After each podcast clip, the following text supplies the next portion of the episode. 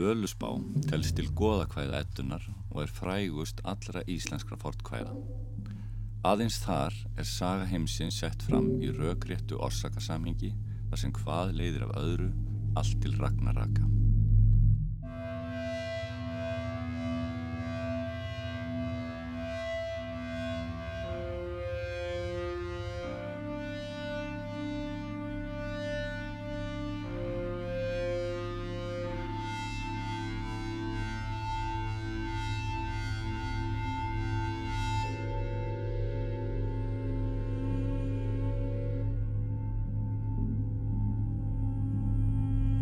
Er varðveitt í tveimur gerðum í konungsbók ettukvæða frá setni hluta 13. aldar og í þeim hluta högsbókar sem er frá miðbyggi 14. aldar. Aug þess sem nokkur erindi er í gilvæginningu ettunar sem talið er að Snorri Sturluson hafi sett saman á þriðja áratug 13. aldar. Völusbá er mælt fram af völvu sem segir frá sköpun heimsins og friði allsnekta hjá góðum uns þrjár þursamæjar komu og þau sköpuðu dverga og síðan menn. Gullveig kemur bæði til goða á manna, íllindi hefjast og leiða til víga sem magnast uns öll lögmál er brotin.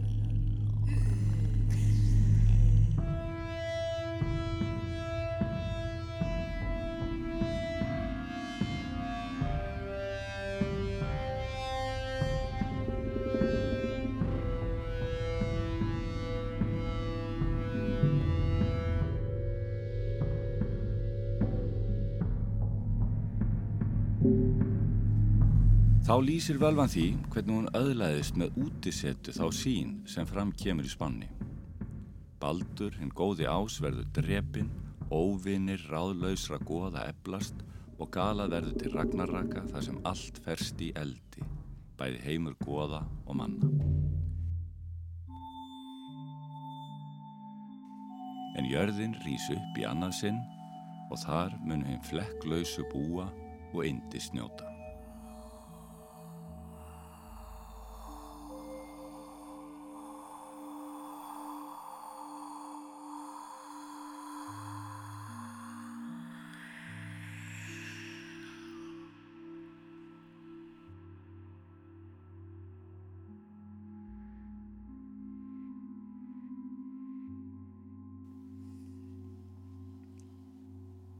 Sú kona var þar í byggð er Þorbjörg hétt. Hún var spákona og var köllu lítilvölva. Hún hafði átt sér nýju systur og voru allar spákonur og var hún ein eftir á lífi.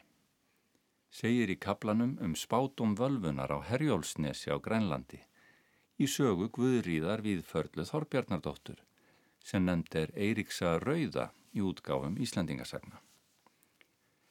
Sagan lýsir mikil úðlegum búningi völfunar. Bláum tiglamöttli með steinum í saumuðum, hálsmeni úr glertölum, svörtu lambaskinni og hvítu kattarskinni í húfu á höfði, með staf í hendi og var á hnappur, búin messingu og settur steinum. Hún hafði um sig hnjóskulinda og var þar á skjóðupungur mikill. Varveitti hún þar í töfur þau er hún þurfti til fróðleiks að hafa. Hún hafði kálskinn skólaðuna á fótum og í þvengi langa og sterklega lát hún snappar miklir á endunum. Hún hafði á höndum sér kattskinn sklóa og voru kvítir innan og loðinir. Þegar völvan ætlar loks að fremja seiðsinn á Herjólfsnesi byður hún hinn að kristnu guðriði frá Íslandi fyrst að hveða galdra hvæðið varðlokur sem hún gerir um leið og konurnar slá ring umhverfis en Þorbjörg satt uppi á seið hjallinu. Fagur fluttningur guðriðar hefur þau áhrif að völfunni verða margir þeir hlutir auðsýnir er áður var bæði eg og aðrir duldir eins og hún segir og getur þá hafið spásök sína. Sá hún valkyrjur, vitt umkomnar, görfar að ríða til góðþjóðar. Skuld hjælt skildi en skögul önnur Gunnur, Hildur, Göndul og Geirskögul. Nú eru taldar nönnur herjans, görvar að ríða grund, valkyrjur.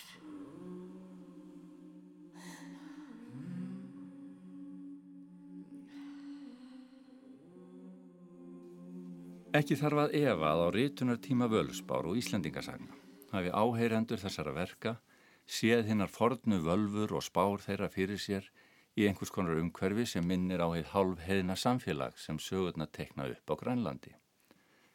Þótt fordlega fræðin segja okkur að þar hafi kristni verið yfkuð frá fyrstu tíð Íslandinga í landinu, 14 eða 15 árum fyrir hinn á ofinberu kristnitök á Íslandi. Við getum líka verið vissum að til að lifa af í munlegu samfélagi þar hvæði á borðu völusbá að vera hluti af sí endurteknum lifandi fluttningi af einhverju tægi sem kallar væntanlega á að flytjandin tækja að sér hlutverk í líkingu við það sem Þorbjörg lítilvalva leikur á Herjólfsnesi. Það er því ekki vandalöst að gera sér í hugarlund hvernig slíkt hvæði hefur getað lifað af í því kristna samfélagi sem var smám saman að byggjast upp hér á Íslandi á 11. og 12. öld. En þá er á það að líta að trúskipti ganga að jafnaði hægt yfir samfélag. Það kemur að síðum, vennjum og veraldlegum völdum. Hér á landi er það til dæmis ekki fyrir nöndir lok 12. aldar sem kirkjunar menn eru orðnir svo umsjöðamiklir í veraldlegu valdakerfi landsins að þeir ná að festa sig í sessi lögsögumannsins. Eina landskjörna fulltrúa hins verallega valdakerfis. Í kjölfar þess að Hafliði Másson og aðrir þeir sem voru hlýðhóllir kirkjunni höfðu látið rita hinn hefðbundnu munlegu lög á breyðabólstað í Vesturhópi veturinn 1117 til 18 og náð þannig fót eða bókfestu í munlegu valdakerfi goðaveldisins. Þegar svo var komið að kirkjunarmenn voru orðnir þaulsetnir í lagsögumannsembættinu er viðbúið að hafi verið farið að fjúka í flest skjól þeirra sem enn vildu yfka skemmtanir með heiðnum brag í skúmaskotum samfélagsins.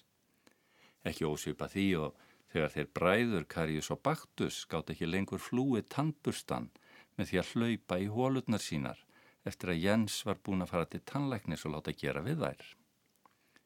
Það er einmitt um árið 1200 sem textafræðingar telja að völusbá hafi fyrst verið færið í letur. Þótt svo gerð sé ekki lengur til og völusbáinn sem við lesum mest sé í konungsbók ettukvæða frá síðari hluta 13. aldar.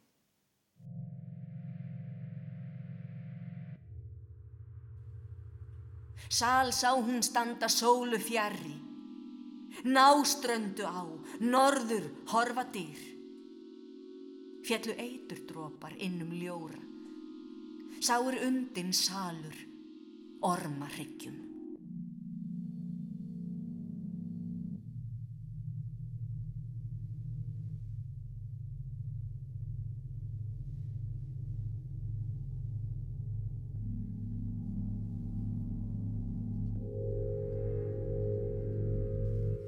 Í sögunni um Guðriði og Þorbjörgu lítilvölvu opnast völfunni spá sín eftir að Guðrýður hefur leitt konurnar á Herjólfsnesi í galdrasöng sem er nöðsynlegu hluta því að fremja seið völfunar svo hann geti byrjað að spá fyrir um veður og heilsufar og örlu fólksins sem er viðstatt, ástamál og þvíum líkt sem spákonur tala ennum við þau sem til þeirra leita.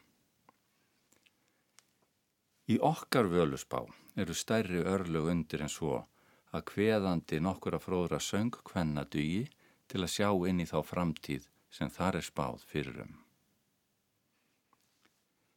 Þegar völvan í völusbá hefur lokið lýsingu sinn á því sem hún mann sjálf frá eldstu tíð og því hvernig menn og góð hafi smá saman klúðrað tilveru sinni með gullþorsta, hennum fyrstu vígum og eðrófum sem þór einn reynir að spórna gegn, kemur þar í frásögnennar að hana þrítur þekkingu en þá rifjast upp fyrir henni að hún þekkir lindarmál óðins um að hann hafi lagt auga sitt að veði fyrir visku og hefði ókvæmlega stef kvæðisins hljómar í fyrsta sinn.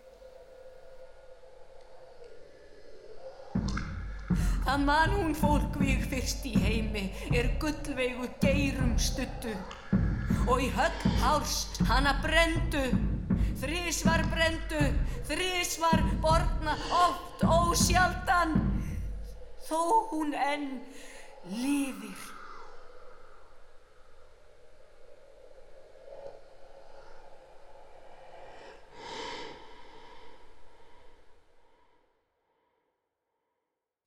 Þór, einn þar var þrungin móði. Hann sjaldan situr, er hann slíkt um fregn. Ágengust eigðar, orð og særi, málöll meginleg er á meðal fóru. Veit hún, heimdallar, hljóð um fólkið undir heiðvönum helgum baðmi. Á sér hún auðsast, örgum fossi af veði valföðurs. Vitu þér enn? Eða hvað?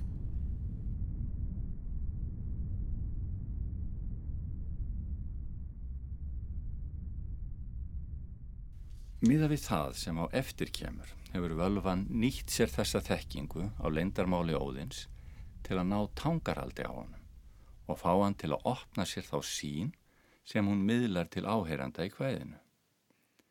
Hún staldrar við í flutningnum eftir að dreyið upp dökka mynd af ástandinu í samtíð bæði guð á manna og vittnar til fyrri útisettu sinnar, áður en sjálf lýsingin á spásíninni hefst. Einn satt hún úti, þá er einn aldni kom, yggjungur ása og í augu leit. Hvers fregnið mig, hví freystið mín? Allt veit ég, óðinn, var þú augafallt í einu mæra mýmisbrunni. Drekkur mjöð mýmir morgin hverjan að veði valföðurs. Vitu þér enn? Eða hvað?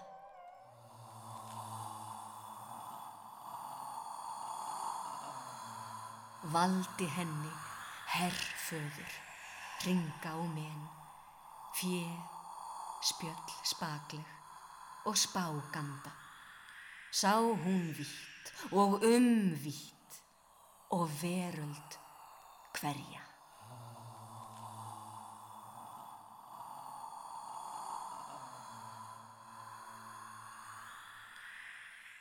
Til að skilja hvað hér er á seiði er mikilvægt að gera sig grein fyrir hvers konar aðtöfn útisetan er í fornum tekstum.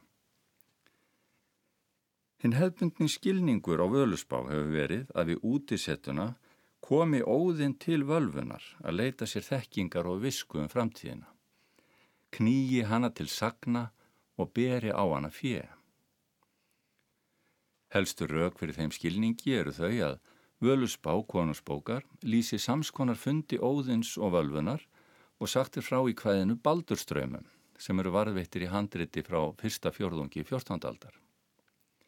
Þar er ótvírætt að óðinn fer ríðandi að völvuleiði fyrir austan dyr og galdrar völvuna upp frá dauðum til að segja sér hver muni bana baldri sinni sínum. Í völusbá konusbókar er hins vegar ekkert sem bendir til þess að hér sé óðinn í þekkingarleit og þá vaknar spurningin hvernig öðlast völfur, tröllkonur og tröllkallar slíka þekkingu um framtíðina sem völvan segur okkur frá? Svarið er með útisettu sem er aðferð spáfóls í fornum heimildum til að afla sér visku og þekkingar á óordnum hlutum. Orðið útisetta kemur nokkrum sinn fyrir, bæði fornum norskum og íslenskum lagatekstum og sögum, en ekki síður í þjóðtrú og sögnum frá síðarjaldum. Í eldri gulaþings og frostaþingslögum frá Noregi er lagt sérstakt bann við morðum og fordæðuskap, spáförum og útisettu sem fælst í því að vekja upp tröll og fremja þannig heðni. Með slíkri háttsemi verða menn óbótamenn og fyrirgera fjö og friði, landi og lausum eiri. Í nýjum kristinrétti í guðlaþingslögum er það einnig tali með trúvill og heinum átrúnaði á borði galdra, tröllriðu, spádóma og landvættatrú að stunda útisettur til að spyrja örlaga. Eða reyna að verða ríkir eða vísir með því að freysta þess að vekja upp drauga eða haugbúa. Í Víti Patrum sapni helgisagna frá sjöttu öldum einbúa og munka sem var þýtt á norrænu í upphafi 13. aldar er sagt frá mútsíðust nokkrum sem var mikill og vondur heiðingi áður en honu var snúið til kristni. Um heiðið hátterni hans er sagt. Hinn fyrra hlut æfisinnar var hann heiðin og höfðingi annara ílvirkja. Hinn frægasti að útisettum og alls konar ódáðum. Í skriftabóðum skálholtsbiskupana Þorláks Helga og Jóns Haldorssonar sem brentuð eru í forbriðarsafninu er það talið til sérstakra synda ef situr maður úti til fróðlegs eða fremur maður galdra eða magnar maður segið eða heiðinni. Hinn er veraldlegu lögbækur, Jartsíða og Jónsbók frá lokum 13. aldar leggja sömulegis blátt bann við morðum og fordæðuskap þegar minn yfka spáfarar og útisetur að vekja tröll og fremja heiðni með því. Í orkningasögu og heimskringlu eru dæmi um útisetur sem fylla upp í þá mynd sem lög og reglubóð veita. Í orkningasögu er líst sveinin okkur um brjóstreip, stabbúa Páls Jarlsins ómálka og þeim sem þar ritar hefur ekki þótt ómögulegt að um miðja tóltu öld væru yfkaðar út í setur. Sveitn var mikill maður og sterkur, svartur og heldur óhamingjusamlegur. Hann var forn mjög og hafði jafnan út í setið. Hann var stabbúi jarls. Þegar líður til jóla er sagt um svein. Og um kveldið er menn höfðu drukkið, gekk jarl að sofa og flestir menn. En sveitn brjóstreip gekk út og satt úti um nóttina eftir venju sinni. Þessa nótt hefur sveit brjóstreip öðlast sín inn í framtíðina með hjálp djöfulsins því að um spátum hans sjálfs er sagt daginn eftir þegar sveit segir fyrir um eigin dauða. Eyvindur hermdi þá orðin og sagði að það myndi fjandin hafa mælt fyrir munnhónum um nóttina. Í hákonarsögu Herðibreis í heimskringlu Snorra Sturlusonar sem gerist upp úr miðri tóltu öld lætur Gunnhildur, fóstra, hákonar þordísi nokkra skeggju sitja úti til að tryggja hákonni sigur þótt sögumadurinn sé hardla tregur að trúa eigin sögu um þetta atriði. Svo segja menn að Gunnhildur er símun hafði átt, fóstra hákonar leti sitja úti til Sigurs hákonni. En það vitraði að þeir skildi berjast við ynga um nótt en aldrei um dag, hvað þá hlýðamundu. En Þórdís skeggja er svo kona nefnd er sagt er að úti satt, en eigi veit heg sann á því. Af þessum dæmum má ráða að með útisetu sé mann að yfka heiðni og að með útisetu megi vekja upp tröll, framliðina eða haugbúa til þess að forvittnast um framtíðina. Og það kemur fyrir að sjálfur djöfullin byrtist þeim sem situr úti og segi honum eða henni lenda hluti. Í tekstónum tengist útiseta líka seið og galdri sem hægt er að sækja sér kraft til líkt og í síðasta dæminu úr heimskringlu. Eitt er víst það vottar hvergi fyrir þeirri hugmynd að með útisettu ætlum en sér að sitja fyrir svörum og taka á móti forvittnum einstaklingum þessa heims eða annars og leysa úr spurningum þeirra í einhvers konar viðtalstíma. Þetta móti er það sá eða svo sem situr úti sem er að leita sér styrks og þekkingar um óarna hluti og fær hana.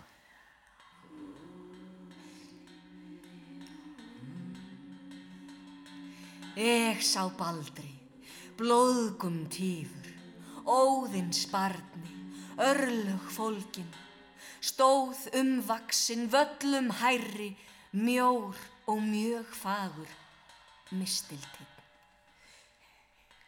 Varð af þeim meiri er mær síndist, harmflög, hætleg, höður nám skjóta. Baldurs bróðir var of borins nemma, sá nam óðins sonur einnættur vega.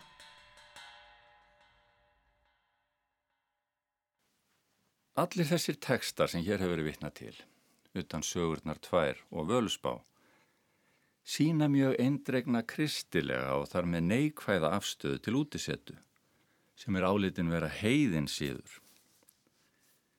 Þessi harða afstæða er nokkuð tekin að línast í þjóðtrú síðari alda, eins og lesa má um í safni Jóns Árnasonar sem vitnar til þess að andúð miðaldakristninar sé í samræmi við ákvæði átjánda kabla 5. mósebókar í 10. og 11. versi um að ekki megi leita sér spáfrétta.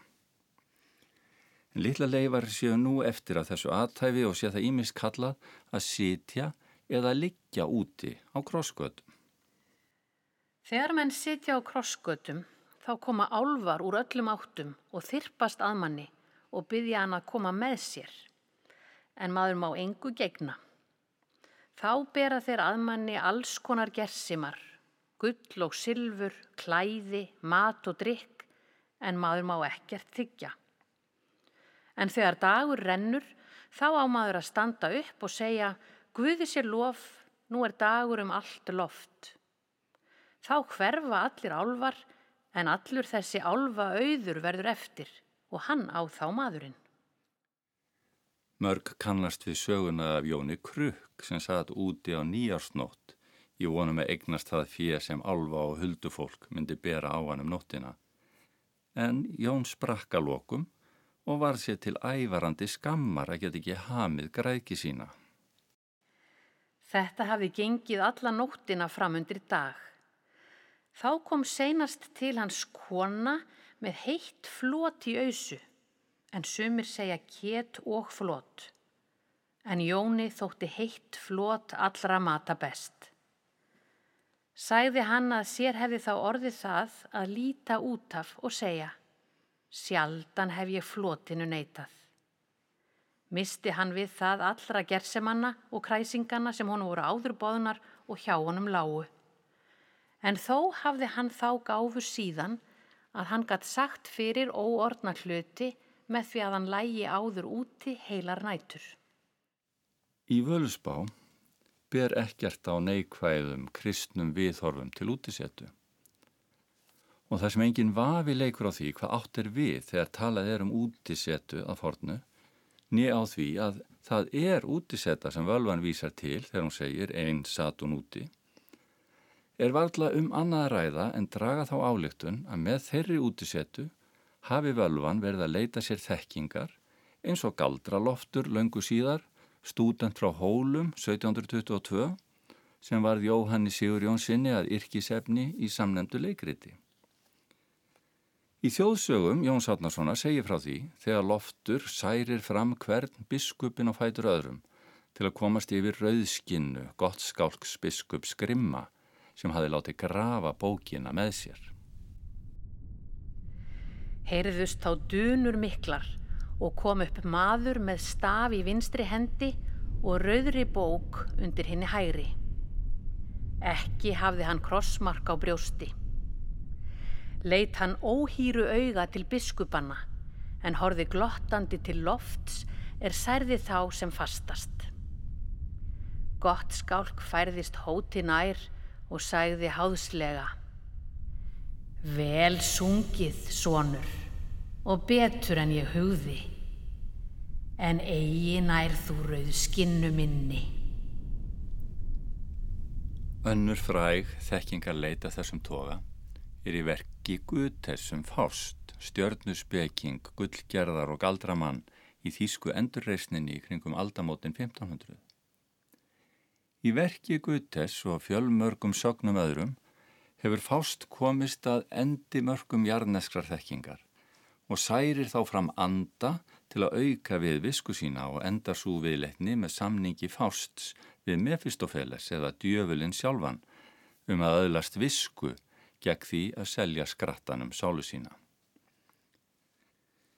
Ekki kvarlar að nokkru manni að láta þá gott skálk biskup Grimma og Mefistofeles byrtast þeim galdralofti og fást til að svala þekkingar þorsta sjálfra sín.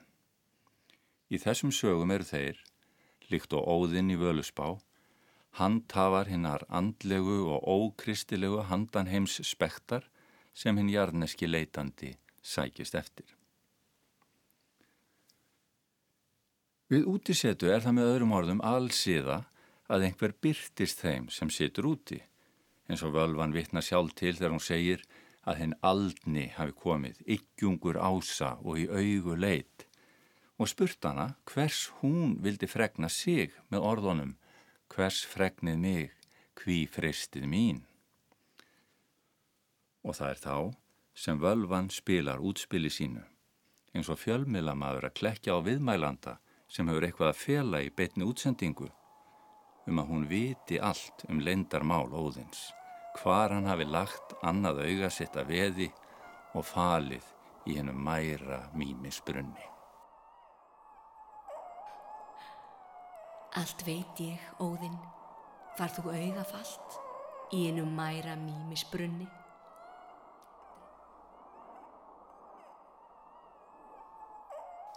Óðinn bregst við eins og álvarnir sem vitja Jóns Kruks í útisettunni fyrir að bera á völvuna gull og gersemar sem hún stennst greinilega því að um síðir opnast henni svo sín sem hún var að sækjast eftir með útisettunni um veröld hverja.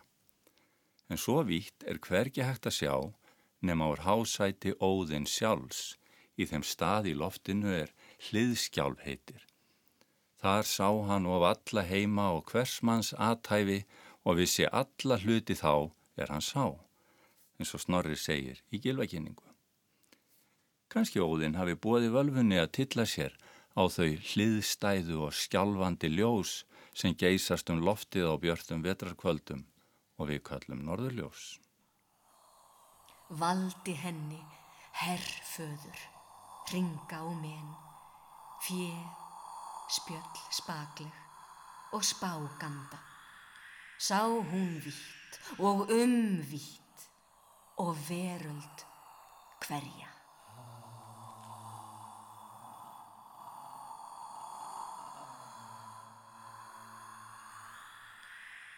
Spáinn sem völvan flýtur fram í kjölfar þessar upprifinar og útisettu sinni er mörguð af því sem hún sá.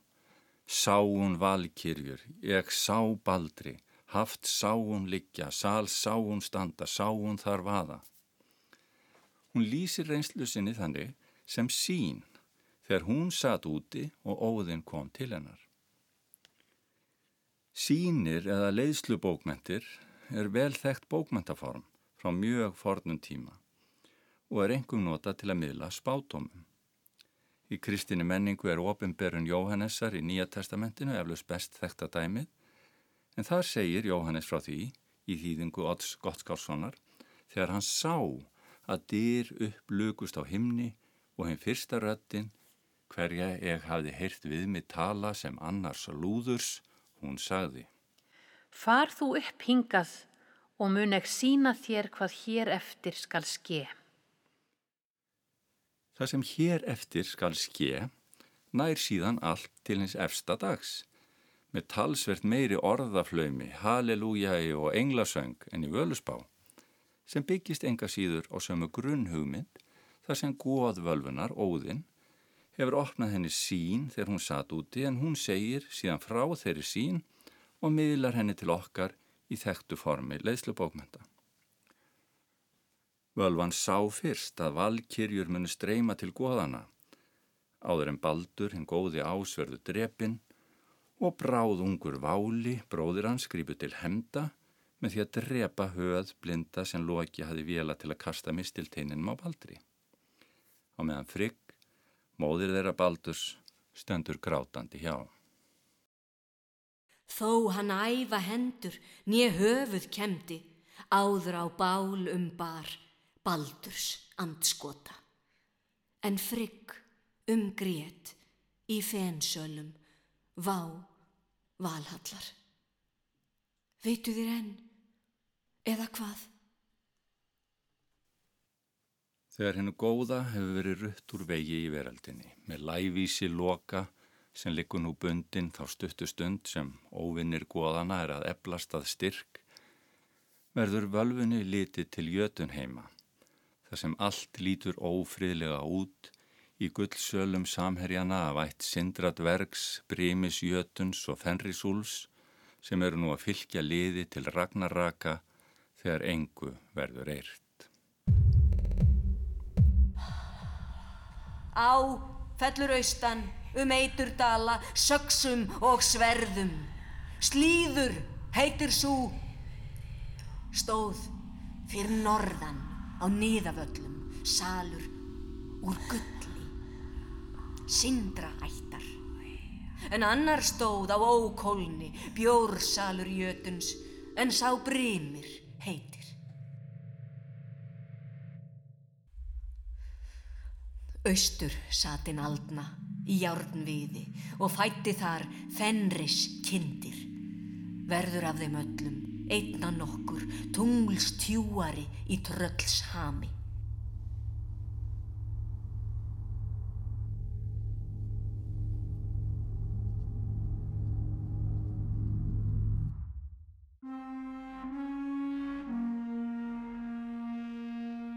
Satt þar á haugi og sló hörpu. Gíjar hyrðir, gladur, honum í gaglviði, fagur rauður hani, sá er fjalar heitir.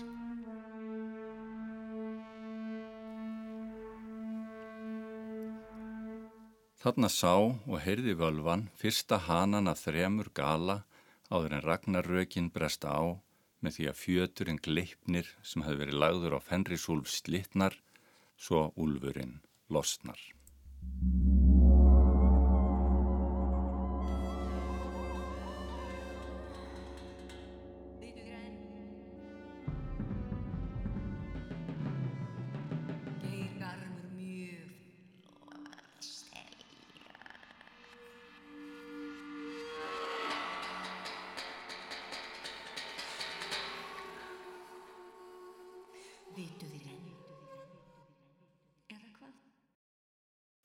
Í næsta og síðasta þættinum um völusbá verður vikið að því hvernig boðskap kvæðisins til samtímans er komið á framfæri með því að beina kastljósi kvæðisins að góðunum sem láta eins og þau sé að fylgja leikreglunum en verða græginni að bráð og brjóta þannig þau síðabóð sem einn duga til að halda samfélaginu saman. Um leiðu við fáum alltaf að fylgjast með því hverju framvindur í mannheimum. Þar er allt því sama far nema hvað fáunin er ekki svo sama og hjá guðunum. Heldur eru ofbeldið, græðkin og svikin miklu grímulausari þegar engi maður mun öðrum þyrma.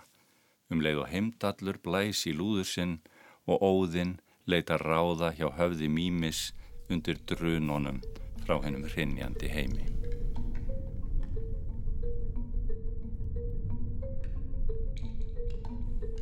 Leika mýms sinir en mjötuður kindist að einu galla gjallar horni.